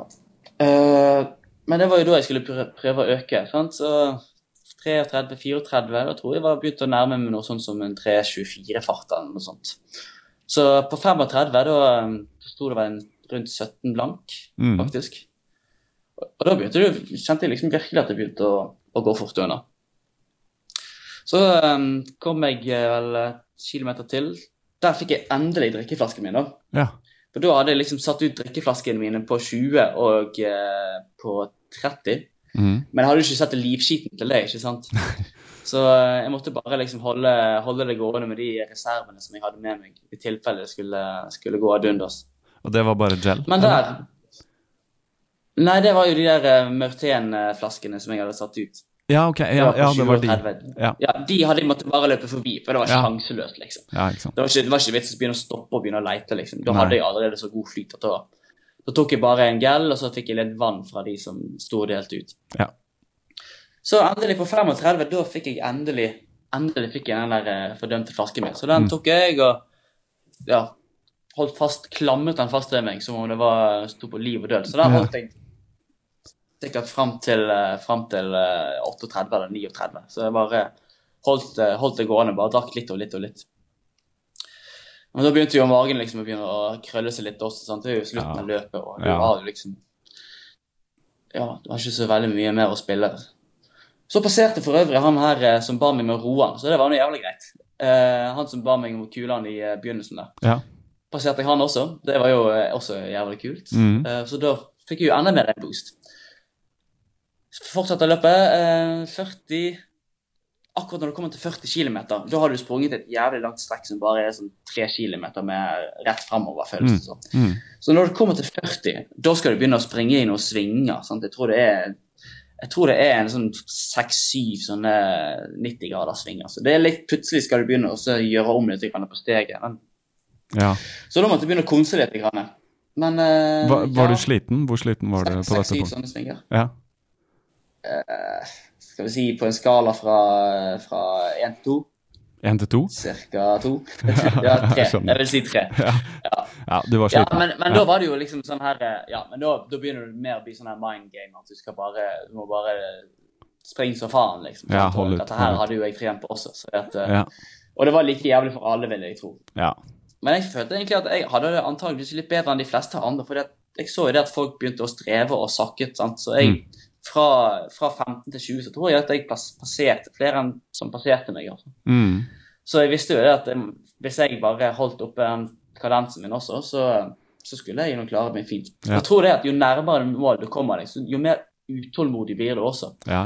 Så jeg begynte liksom å tenke at uh, på 40 at ok, nå må, du, nå må du bare tenke at du har 10 km igjen, selv om jeg egentlig hadde to. Mm. Og det, det har en tendens til å fungere ganske greit for meg, i hvert fall. For å ikke øke farta Så, for mye, eller? Mener du? Ja, eller rett og bare for å være, være litt mer tålmodig. For at um, når jeg hadde kommet til 39 km, så begynte jeg å bare tenke at ok, nå har du ti minutter med sprenging igjen. Ja. Og det er jo for noen kanskje motiverende, men for meg så funker ikke det helt. Så jeg tror jeg lurte meg sjøl litt, rett og slett. Jeg tror det beste hadde vært å si at ok, nå, nå skal du bare ja, nå må bare holde dette her. Ikke tenk noe særlig på hvor mye du har, har igjen. Tenk heller på hvor mye du har løpt. Mm. For eh, ja, jeg kjente meg mer jeg kjente meg mer sliten og tenkte at nå er jeg snart ferdig. Mm. Og det tror jeg, er, det tror jeg henger litt, sammen med, med hvordan det er å trene på den farten du skal holde i, i trening også. Ja. Fordi at når jeg, når jeg, har trent på den farten jeg holdt, holdt på slutten av løpet der, så, så har det vært tungt. Det har vært altså, mentalt tungt bare liksom å kjøre ti ganger 1000 i den farten der. Mm. Det er sånn at jeg så vidt har liksom følt at her, her tror jeg ikke jeg kommer til å greie, liksom. Men i, underveis i løpet, da fikk jeg det faktisk til. Så det er, det er rart altså, hva som skjer når du får på deg et startnummer og skal sette i gang med løp. Ja, så du har rett og slett kjørt økter hvor du har trent på farta, intervaller, altså 1000 meter? Ja, egentlig litt, ja, egentlig litt høyere. Da? Ja, ja, den farten som jeg hadde på slutten av løpet, der, var jo det som jeg trodde var terskelfarten. ikke sant? For du er nede på 3.25-fart du har nå på slutten. Du holdt det i 10 km. Ja, ja, det er akkurat det. Ja. Så du har økt eh, Så, Det er ganske forskjell på det jeg hadde og et lite, Ja. Ja, jeg trodde jeg kanskje jeg hadde et lite gir der på slutten også, så jeg tror jeg klarte å øke litt grann da når jeg kom til siste svingen. Du økte Når- også når du fra 40 til 42, ja. Ja, Ja, fett. Da, da, har jeg, da har jeg gjort det som jeg skulle. ja. ja 3,23, vet du. Så Siste to. ja. ja, det var jævlig gøy. Ja, veldig. Når, når du kommer til den siste, siste svingen, der, så er det jo bare 900 meter, og da ser du jo Brannberg to foran deg. sant? Ja. Men, eh, men du føler jo ikke at du nærmer deg han i det hele tatt heller. Nei. Han, han er jo bare der, så du kommer jo faen meg aldri nærmere. Nei. Du bare løper og løper. Ja. Men jeg tenkte bare at eh, Da tenkte jeg at jeg får bare, jeg får bare se for meg at dette her er som, som en trening. At nå skal, nå skal jeg bare springe to runder rundt en løpebane. sant? Mm. Og det gjør jeg jo nesten hver gang jeg skal ut på en treningsøkt. Så er det jo to runder rundt, eller fire runder rundt, eller fem runder rundt. sant? Ja. Typiske intervaller. Så jeg bare tenker for meg sjøl at okay, nå skal jeg bare springe to runder rundt i banen. Det Mm. gjør jeg når som Mm. helst. Ja. Og da, før jeg sto det, så var jeg jo faktisk på Brandenburger 2 og passerte under der. Men etter der igjen så skal du jo også springe noen hundre meter. Mm. Da er det sikkert 300-400 meter der også. Så da måtte jeg bare slenge inn enda en, eh, enda en runde rundt tenkte jeg, ja, ja.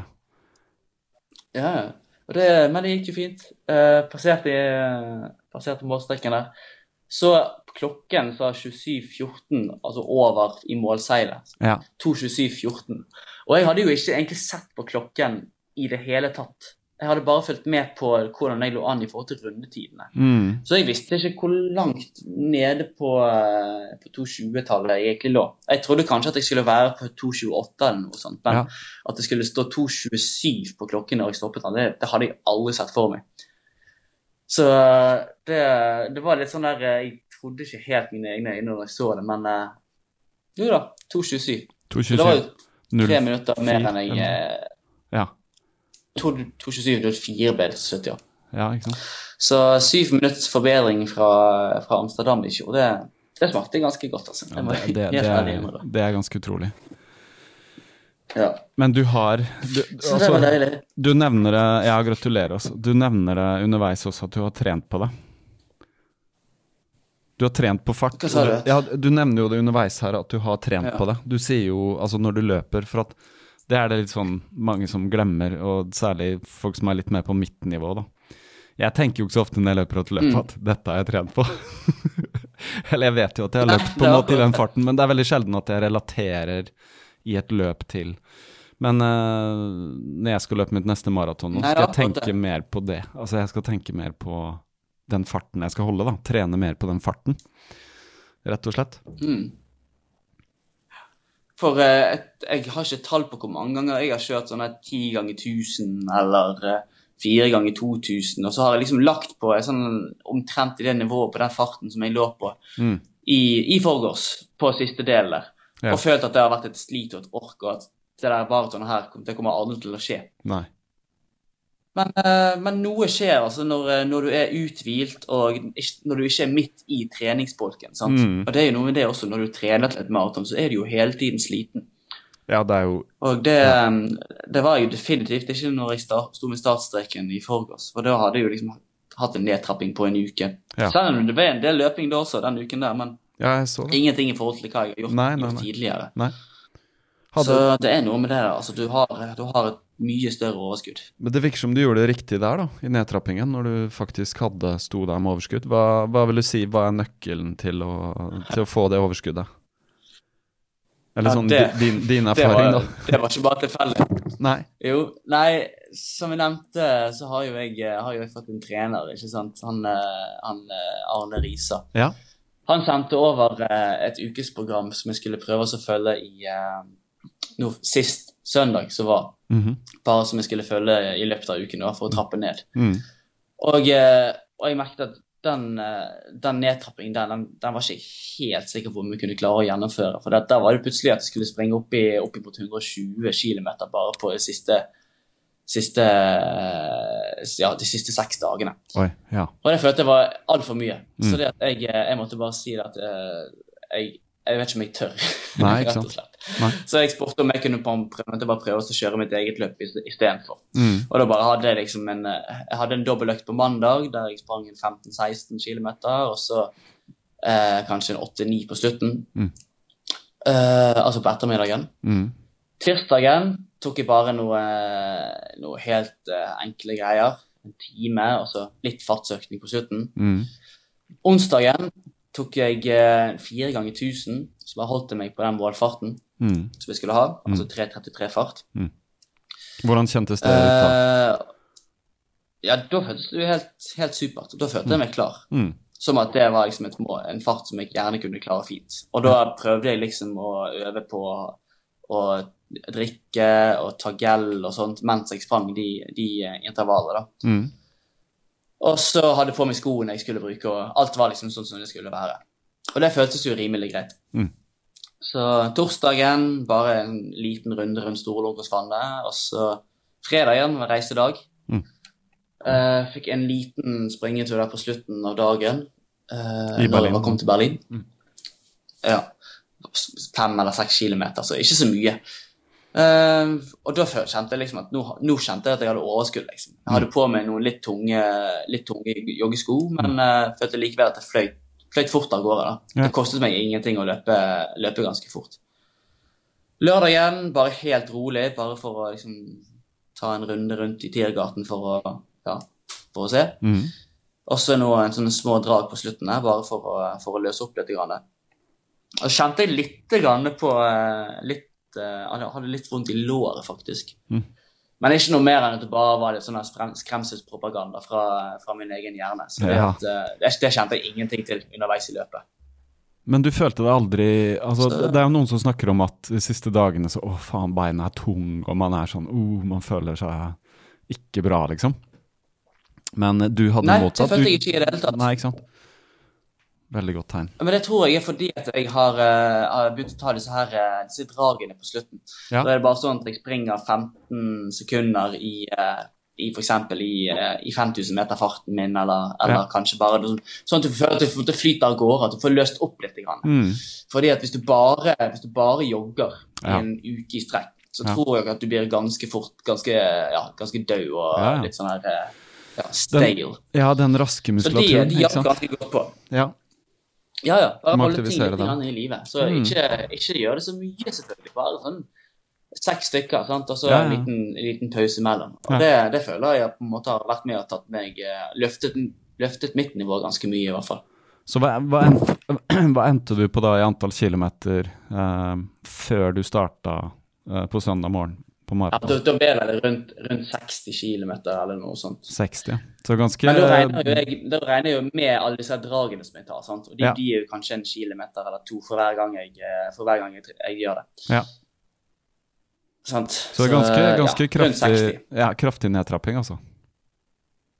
Ja. Ja. 200 to uker, to uker før, og så 150. Og så, ja, inkludert maratonet, så ble det jo 100 på den siste Ja, uken her. ja. Så Så det var Ja, mer enn han. Arne Risa, din trener. Uh, han mente du skulle klare 120 før du sto på streken? Startstreken? ja, altså han Ja, egentlig. Ja, Eh, Ja. Men det eh, så, men, men sant, samtidig så han er jo litt av den gamle skolen også, sant. Der Ja. det er mengde som gjelder. Ja, ja. Og jeg, jeg ser jo det at eh, det har jo definitivt eh, det har jo definitivt hjulpet meg. da. Det er jo ingen tvil om. Jeg har jo blitt mye mye raskere og mye mer, mer utholden etter at jeg begynte med den, den typen trening. Mm. Etter at han, eh, etter at han ja, kom inn og så på en måte tok litt grann over ansvaret for treningsopplegget. For tidligere så har jeg egentlig bare stukket fingeren opp i luften og bare prøvd meg fram. sant? Men Men du har ofte Risa er jo en Ja. Han er, han er jo en, en, en legende, sant? Ja. både som springer og som trener. Han trener jo allerede blant de beste folkene som springer her i Bergen. Så det, at, Ja. eh, det er jo det er jo ingen tvil om at han vet hva han holder på med. Så det var jo egentlig bare å følge hans prinsipper. Så Ja. Har det vært litt sånn. Har det vært litt deilig å slippe å tenke på hva du skulle gjøre, og bare få det servert? ja, det Ja. har egentlig vært det. altså. Ja. Så for da har jeg sluppet å måtte tvile på at den, de tingene jeg gjør, er riktig. Ja. For han, jo, han har jo aldri sprunget maraton sjøl, men altså, han har jo vært langdistanseløper. Han har jo, han har jo kanskje den eh, blant de ti beste eh, 10 000 meter-tidene gjennom tidene her i norgeshistorien. Ja. Så det at eh, fyren vet hva han holder på med, det er jo Ja. ingen tvil om. Han har løpt halvmaraton på eh, rundt 63 eller noe sånt Ja, også. Så, så her, er det bare, her er det bare til å summe seg, altså. Mm. Bare, bare lytte. Så nei, det har vært veldig bra, altså. Og han har nok eh, fått meg til å gjøre økter og ting som jeg ellers ikke ville, ville finne på å gjøre heller. Mm. Og spesielt med den mengden. Jeg, jeg trodde jo at hvis det sto 200 km i uken på, på min plan, at da kommer jeg til å bli, bli innlagt. Ja. Men uh, det, det gikk jo overraskende greit. For vi tok det egentlig bare mm, Vi tok det ganske gradvis. Begynte med å bare ta litt sånn fartstrening. Mhm. Få litt sånn 5 km og 10 km fart inn i kroppen. Mm. Og Det gjorde vi i løpet av sommeren. Og så etter hvert sånn i august, da begynte vi liksom å fokusere litt mer på, på eh, å få seiget, seiget muskulaturen litt. Mm. Hvordan, Det- det eh, veldig bare spørre, hvordan konkret får man liksom 5-10 km fart i kroppen? Er det å løpe på den farta som du kan klare en 5 og 10 over tid, eller er det intervalløkter, eller altså er det mer sånn Ja, det var litt forskjellig. altså. Han, Ja. uh, han ga meg litt ulike både kortintervaller og langintervaller, som han kalte det. mm. Så en økt som jeg husker veldig mye, han, eh, han ga meg i hvert fall en to-tre ganger, det var 300 meter ganger 25. ah. Med 30 sekunder, eller 30 sekunder med jogging eller 100 meter. Så, Ja. Som blir ca. det samme. da. Altså du, gjorde det på banen? Og Da var det sånn at da skulle jeg prøve å holde, holde den 10 km-farten som jeg hadde som mål. Mm. Prøve å holde den på 300, 300 meter, og så bare jogge 100 meter, og så gjøre det 25 ganger. Ja. Og det var en ganske fin indikator på hvordan, hvordan jeg skulle kunne klare å holde det tempoet. Mm. Så den, eh, den fikk jeg veldig god, godt utbytte av. Ja. Og det, det, var blant den siste, annet den siste økten jeg gjorde før jeg eh, tok det NM-kravet på Bislett nå i Ja. sommer. Ja. Da gjorde jeg den økten tre dager før, og det føltes ganske fint og fløyt fint av gårde. Så, Ja. så tror jeg den har vært veldig fin også, som, som fin, finpoleringsøkt. For det Du løp Bislett på 31,50 eller noe sånt? 31,51?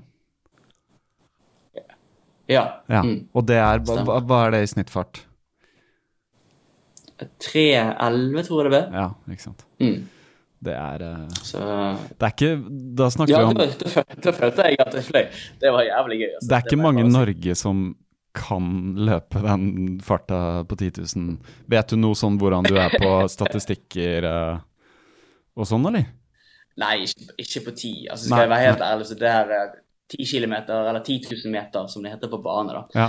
Det er nok ikke helt mitt fagfelt, men, eh, men nå blir det jo gøy. For nå skal jo NM være neste år i, i Bergen, Ja. på Fana stadion. Så, så jeg, skal nok, jeg skal nok bruke en god del tid nå fremover de neste månedene og det neste halvåret på å se hvor, hvor mye jeg kan gjøre med, med 10 km farten min. Altså. Ja. Fordi jeg har, jeg har ikke lyst til å gjøre meg bort når jeg først, når jeg først debuterer på hjemmebane. Nei, ikke sant. Er det, hvordan er det? Jeg Jeg, følger jo ikke- supergodt med på de tinga, men uh, er det heat og sånn der òg? Er det så mange som er kvalifisert at det er liksom ikke heat, eller kjører man all, hele gjengen rett i en finale og så bare løp, liksom? Jeg vet ikke hvor mange som starter engang. I liksom- år ja, I år var det ganske mange som var med på 10 000 i, Ja. eh, på Hava Ja. Men der, der kjørte de rett og slett bare et uh, A-heat og et B-heat. Ja. Det gjorde de. Så det var vel sikkert en eh, Til sammen så var det sikkert en 50-60 stykker på resultatlisten. ja, okay. Kanskje ja. mer, kanskje Ja, mindre. Jeg er ikke sikker. Så, eh, og de lå jo på nivåer fra alt fra 28 og, eh, til 32 og Ja, ja. Så det, var, det er ganske høyt nivå, altså. Det er det. Men det er på en måte at Så- det, det blir så mange som klarer å kvalifisere seg. Altså det er ikke noe sånn Og så justerer de kanskje et krav neste år i forhold til om det er for mange eller for få, da. Er det sånn det funker? Det tror jeg ikke. Nei. Eh, Skal vi Altså det, Nei, eh, det, det, dette vet vi ikke nok om. eh, din antakelse er like god som min. Ja, ja, ja. Her, er- her er jeg veldig ute altså. Kanskje, kanskje Så- de som lurer på Nei, dette, jeg tror, må jeg tror de kommer til å beholde det kravet. Jeg tipper de bare kommer til å beholde kravene. For de har liksom vært litt sånn de, de fleste de siste årene også. sant? Ja, ja. Så til 32 er liksom det NM-kravet på 10 000, og så Ja. 15 minutter tror jeg det er på 5000. Så, og, og 15 minutter på 5000 det har jeg det jeg ikke sjans på i, i havet. Så det, eh, det, var, det ville alltid være 10 000 meter som ville være den jeg kunne ha sjanse på. ja. Ja. Men eh, Så- følelsen, så er god, eh, følelsen er god, Nicolas, nå to dager etter. Du var litt, litt, Ja, nå- litt sliten i går, kanskje? Hvordan følte du deg når du våkna? Altså, ble, ble, ble det Jeg så noen fine, en fin dans på Instagram, blant annet. en seiersdans. Ja, ja, ja. ja. Ja.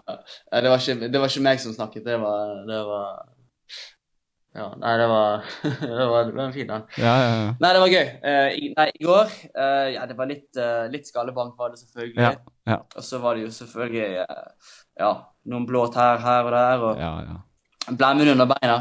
Jeg følte jo at jeg gikk rundt på noen to svære vannsenger rundt i Berlin i går. Ja du, du hadde blemmer, ja. Vannblemmer. Ja. Ja, ja, ja sant. Skal være det. Men eh, nei, det føltes egentlig overraskende greit. ja. Ja, digg. Hadde meg en scooter-sightseeing sammen med min far. Han var jo der nede. Han fylte jo 60 på, ja. på søndag, så det, var jo en, eh, en hyggelig gave å gi han. Han var fornøyd med deg? Så eh, ja, han, ja han, var, han var bra fornøyd. Hvordan forholder han seg til Jeg vet ikke om han har noen bakgrunn i løpinger, om du er vokst opp med løping, eller hva syns han om Nei, dette dette nei, prosjektet? Nei, han er jo han er tømrer, han med Ja. elleve tær. Så det, at- Ja, ok. han, men han, han sier han er en god sprinter, da. Ja, ok. Det skal han, Han, det skal han, på, han påstår det. Ja, ja, ja. ja. Så. Ja, Nei, men, eh, men han er nå interessert i å se hvordan det går. Så Ja, han, lærer også, han. Så, ja, ja. ja. Mm. så han har jo fått interessen. Så nå, nå har han lyst til å være med flere ganger. Så vi får se. Vi får finne oss et nytt maraton, og så får vi reise dertil. ja for ingenting er planlagt nå, eller? Framover? Nei, ikke egentlig. Jeg har, eh, jeg har litt lyst til å reise til New York neste år. Men, Ja, eh, men eh, vi får se hvordan det er med kvalifisering og sånt der. Ja. For jeg så at det gikk an å kvalifisere seg hvis du hadde en viss tid, da, men jeg tror du måtte kvalifisere deg i et godkjent løp. Som var sånn New York-godkjent løp. Og jeg vet ikke om Berlin er det, så Nei, vi får se. Ja. For du kan få startnummer ved å kvalifisere deg på tid i tillegg. Altså, eller istedenfor å kjøpe startnummer, eller? Er det ja, det var i hvert fall det jeg gjorde nå i, eh, med Berlin. Så, Ja. så kvalifiserte jeg meg på tid. Å ja. Men det er kanskje andre regler som gjelder i New York. Jeg er ikke Mm. sikker. Mm. Men du må fortsatt betale startavgift og sånn, eller hvordan funker det? Ja, det Ja. vil jeg tro. Ja. Det vil jeg tro. Ja. Ja. Så det blir nå sikkert, nok sikkert noe der også. Ja. Så får vi se. Jeg tror de har sånn her uh, sub-elite-program der borte i New York. Mhm. Det har jeg litt lyst til å prøve meg på. Og der er det sånn at du kan si at uh, hvis du løper under 2,35, så kan du kvalifisere deg. Og da får du litt bedre sånn her uh, særbehandling. Da blir du hentet i sentrum på, på morgenen, og du får faktisk lov til å uh, sitte deg inn i teltet ditt sånn før starten og sånn. Ja, Så ja, ja. det hadde vært gøy å få prøvd det hvis jeg kunne. Hvis jeg kunne. ja, jeg tenker jo Det er sikkert mange om beinet. sikkert mange om beinet. New York er jo Ja, det er stort. Ja, ja, det er jo gedigent, så Vi får se. Vi får se hva jeg gjør. Ja, ja, ja. Nei, men nå har du i hvert fall tid til å bare Ja. Om ikke hvile på Ja, lærebæra, så nå i hvert fall bare bare- Hva sa du? Ja, nå skal jeg bare, nå skal jeg bare chille. Ja. Nå, eh, nå skal jeg faktisk eh, til en sånn her eh, en fysiotime om en eh, time eller to. Ja. Tenkte jeg bare for å få litt sånn ja, noe sånn dyp massasje av et eller annet slag. Bare for å, Ja, for å få gang på beina litt grann igjen. Ja. Men jeg, jeg tror ikke jeg kommer til å stikke ut og springe i dag, altså. Det tror Nei. jeg ikke. Ingenting i går og ingenting Nei. i dag. Det høres greit ut, da. Ja, La så får vi se. Jeg tenker nok at det blir eh, veldig rolig de, sikkert de neste to-tre ukene. Bare ja. ta det litt med ro, og så får vi se. Du kommer nok til å kjenne litt på litt sliten kropp, selvfølgelig. Eh, det, det er gjerne sånn etter et Ja. løp, og det er sånn forskjellige grader av slitenhet. Jeg føler jo alltid at dagen etter så er det veldig fint, og så to dager etter så er jeg nesten litt mer sliten, på et vis. Ja, egentlig. sant? Da blir Ja, det det ikke læring når du kommer tilbake igjen. Ja. Så, men du får bare spise godt og uh, nyte, nyte tiden. Ja, ja, tiden skal nytes. Det skal Så vi får se når jeg begynner. Men jeg har ikke dårlig tid, i hvert fall. Nei. Men gratulerer ikke, også til vi får se hva jeg gjør. Ja, men gratulerer til Heidi òg, da. Din uh, samboer som klarte sitt mål også. Ja, ja, ja. Var ikke det rått, da? Så. Som sagt, vi hadde jo familien vår ute i, uh, ute i løypen, ikke sant? Ja, ja. Og, uh, og når jeg hadde sprunget i mål, så, så hadde broren til, til Heidi Idet Heidi passerte han, Mm. ropt ut at jeg hadde sprunget på 2,27. Og da hadde Heidi tenkt for seg sjøl at han skal faen ikke være en time dårligere. Nei. Så hun hadde jo økt av det. Ja. Så hun kom i mål eh, 59 minutter og 40 sekunder bak meg eller noe sånt. ja. Wow. Så, eh, så hun klarte det i hvert fall. Det er så, veldig godt jobba. Nei, planen hennes var jo 3.30 Ja. og kom i mål på 3.26-27, tror jeg kom hun på til slutt. Ja. Og økte på slutten. Så det at eh, jeg tror hun var rimelig bra fornøyd også. Det, det er veldig sterkt. Hun persa jo med mange, mange, Mm. mange minutter. Ja, ja, ja. Hva var det, 27 minutter eller noe sånt? Ja, det er helt rått, det. Ja, ja. Yeah. Så det var bra. Nei, vi var, jeg tror vi var fire eller fem stykker i, eh, i Ølekonde som var med å springe i, eh, i Berlin, og alle perset. Ja, så bra. Så vi eh, Ja, så fem stykker var vi. Fikk, fikk, Så du fikk med deg sammen perset vi med 60 minutter eller noe sånt. Ja, Det må vi jo, det må vi jo uh, feires. Faen, Hva er det i øl som funker? Ja, det, jeg, tror vi, jeg tror vi mistet oversikt over det regnskapet. ja. Du, jeg snakka med Jeg var faktisk på en løpetur i går med han Johannes Rummeloff, som har vært uh, på podkasten. Og så satte vi oss ned Mm, her ja. etterpå og drakk litt vin, da. Eh, han mente øl, men jeg var sånn Jeg må ha vin. men hvert fall, vi drakk vin. Men da snakka han om Han også drikker litt eh, Vi snakka om sist her eh, alkoholfritt øl. Han sa at det blir lagd noe veldig godt alkoholfritt øl fra disse mikrobryggeriene. Det er sikkert noe verdt for deg å sjekke ut. Mm. Som kanskje smaker litt mer enn en Munkholm, eh, ikke sant? Ja, det blir ikke så mye Munkholm nå fremover, tror jeg. Nei, nå blir det tror litt mer med det. the real Men, eh, men ja. faktisk så var jeg ja, jeg var innom og fikk, fikk med meg noe sånne her fra Mikeller. De har et par uh, ganske ålreite. Ja. Så uh, vi mellomlandet på Kastrup i går, og der, uh, der fikk jeg kjøpt med meg noen, Ja. noen småting. Så Ja, ja, ja. får prøve de og så se. Ja. Men jo, jeg skal sjekke det ut. Takk for tipset. Mm. Prøve noe nytt. Men kult, Nico. Nicolas. Det var Mm. eh, Vi har klart det. Vi har Ja. klokka 50 minutter her, vi. Ja, ja. Tiden flyr. Tiden Du ble det noe altså. brødbaking på deg i helgen? Eh, vet du hva, ikke i helgen. Jeg, jeg, jeg, det, er sånn, det som er greia, skjønner du, at eh, når man skal bake brød, sånn som meg, så må du huske kvelden før å sette i gang en sånn surdeigstarter igjen, så den står og er veldig klar på morgenen før du kjører resten. Og i helgen så bare glem, ja. glemte jeg det, og det var litt fordi at uh, Ja, noen ganger så drikker man litt vin og ser litt film med sin kone, og så glemmer man det. sånn er det bare. Ja, ikke sant. Men Mm. det er litt sånn høstferie denne uka her med kidsa og sånt, så jeg skal kjøre en batch nå, nå en av dagene, faktisk. Ja. Ja. ja, ja, men det høres fint ut, det. Ja, ja, ja. Så det er bare Men det er litt sånn Jeg må bare huske på, på starten kvelden før, skjønner du. Ikke at det er nødvendig, men for at det skal liksom gå Ja, jeg, ja, jeg har funnet min egen metode på det, så da kjører jeg i gang på kvelden, og så, så blir det bra Så får jeg akkurat stekt det sånn som jeg liker det. På, ja, det er en, en liten uh, metode som jeg har funnet ut selv.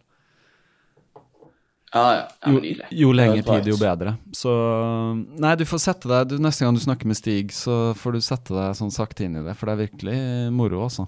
Jeg tenker på sånn ernæringsmessig, og du Ja, som ja. må optimalisere næringen, så er det brødet Det er veldig bra, altså. Ja. Det er det. Heidi hun har jo begynt med sånne glutenfrie grytebrød, så hun lager jo eh, jævla Ja. gode brød. Ok, så bra. Ja. Jeg har prøvd å bake noe glutenfri også, med noen sånne melsorter jeg fikk tak i på, som var på salg i en butikk. Så, men jeg må si at de smakte ikke så godt, men det har kanskje litt med Mm. mel, typen mel å gjøre. Vet du hvilket mel hun bruker, eller? Uh, ja, jeg bruker litt forskjellig. Jeg bruker Ja. litt sånn maismel og Ja. rismel og Ja. noe sånn her eh, bokhvetemel, så Ja, bokhvete høres bra ut. litt sånn ymse. Ja.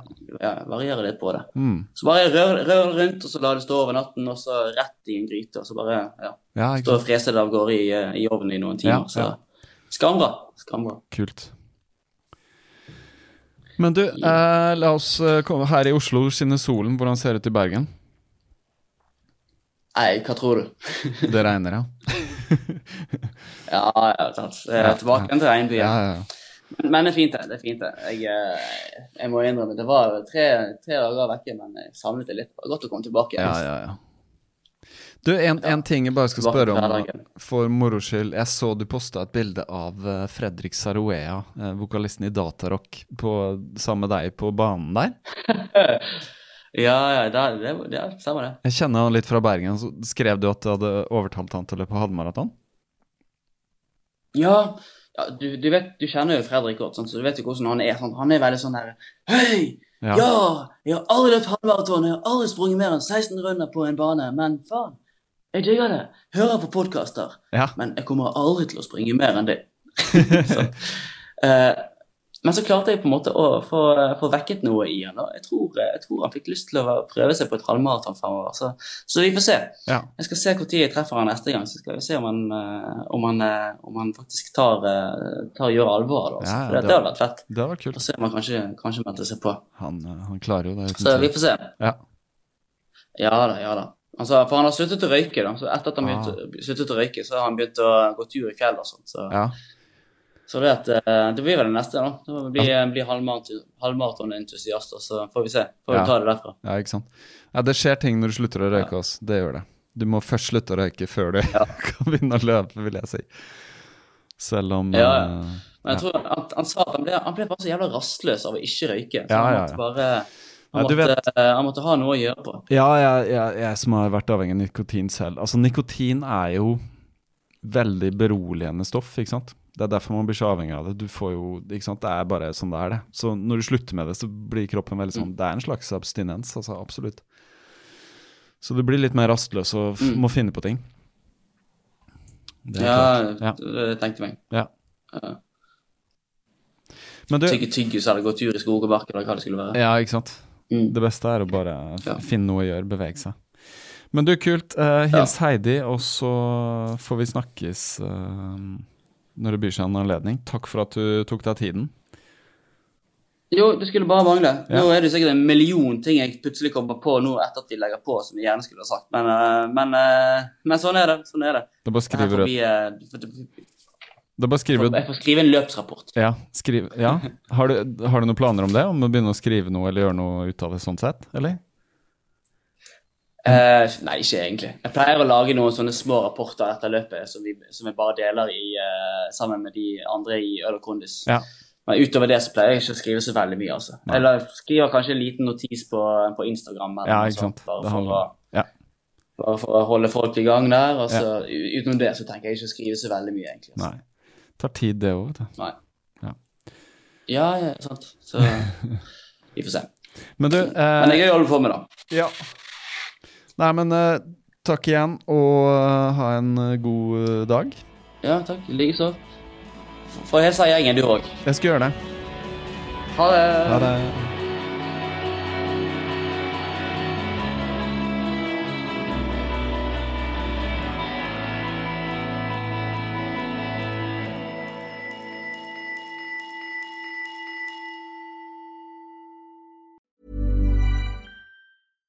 Mom deserves the best, and there's no better place to shop for Mother's Day than Whole Foods Market. They're your destination for unbeatable savings, from premium gifts to show-stopping flowers and irresistible desserts. Start by saving 33% with Prime on all body care and candles. Then get a 15-stem bunch of tulips for just $9.99 each with Prime. Round out Mom's menu with festive rosé, irresistible berry chantilly cake, and more special treats. Come celebrate Mother's Day at Whole Foods Market. Hold up. What was that? Boring. No flavor. That was as bad as those leftovers you ate all week. Kiki Palmer here, and it's time to say hello to something fresh and guilt-free. Hello Fresh. Jazz up dinner with pecan-crusted chicken or garlic butter shrimp scampi. Now that's music to my mouth. Hello Fresh. Let's get this dinner party started. Discover all the delicious possibilities at hellofresh.com. Even when we're on a budget, we still deserve nice things. Quince is a place to scoop up stunning high-end goods for 50 to 80% less than similar brands. They have buttery soft cashmere sweaters starting at $50, luxurious Italian leather bags, and so much more. Plus, Quince only works with factories that use safe, ethical, and responsible manufacturing. Get the high-end goods you'll love without the high price tag with Quince. Go to quince.com slash style for free shipping and 365-day returns.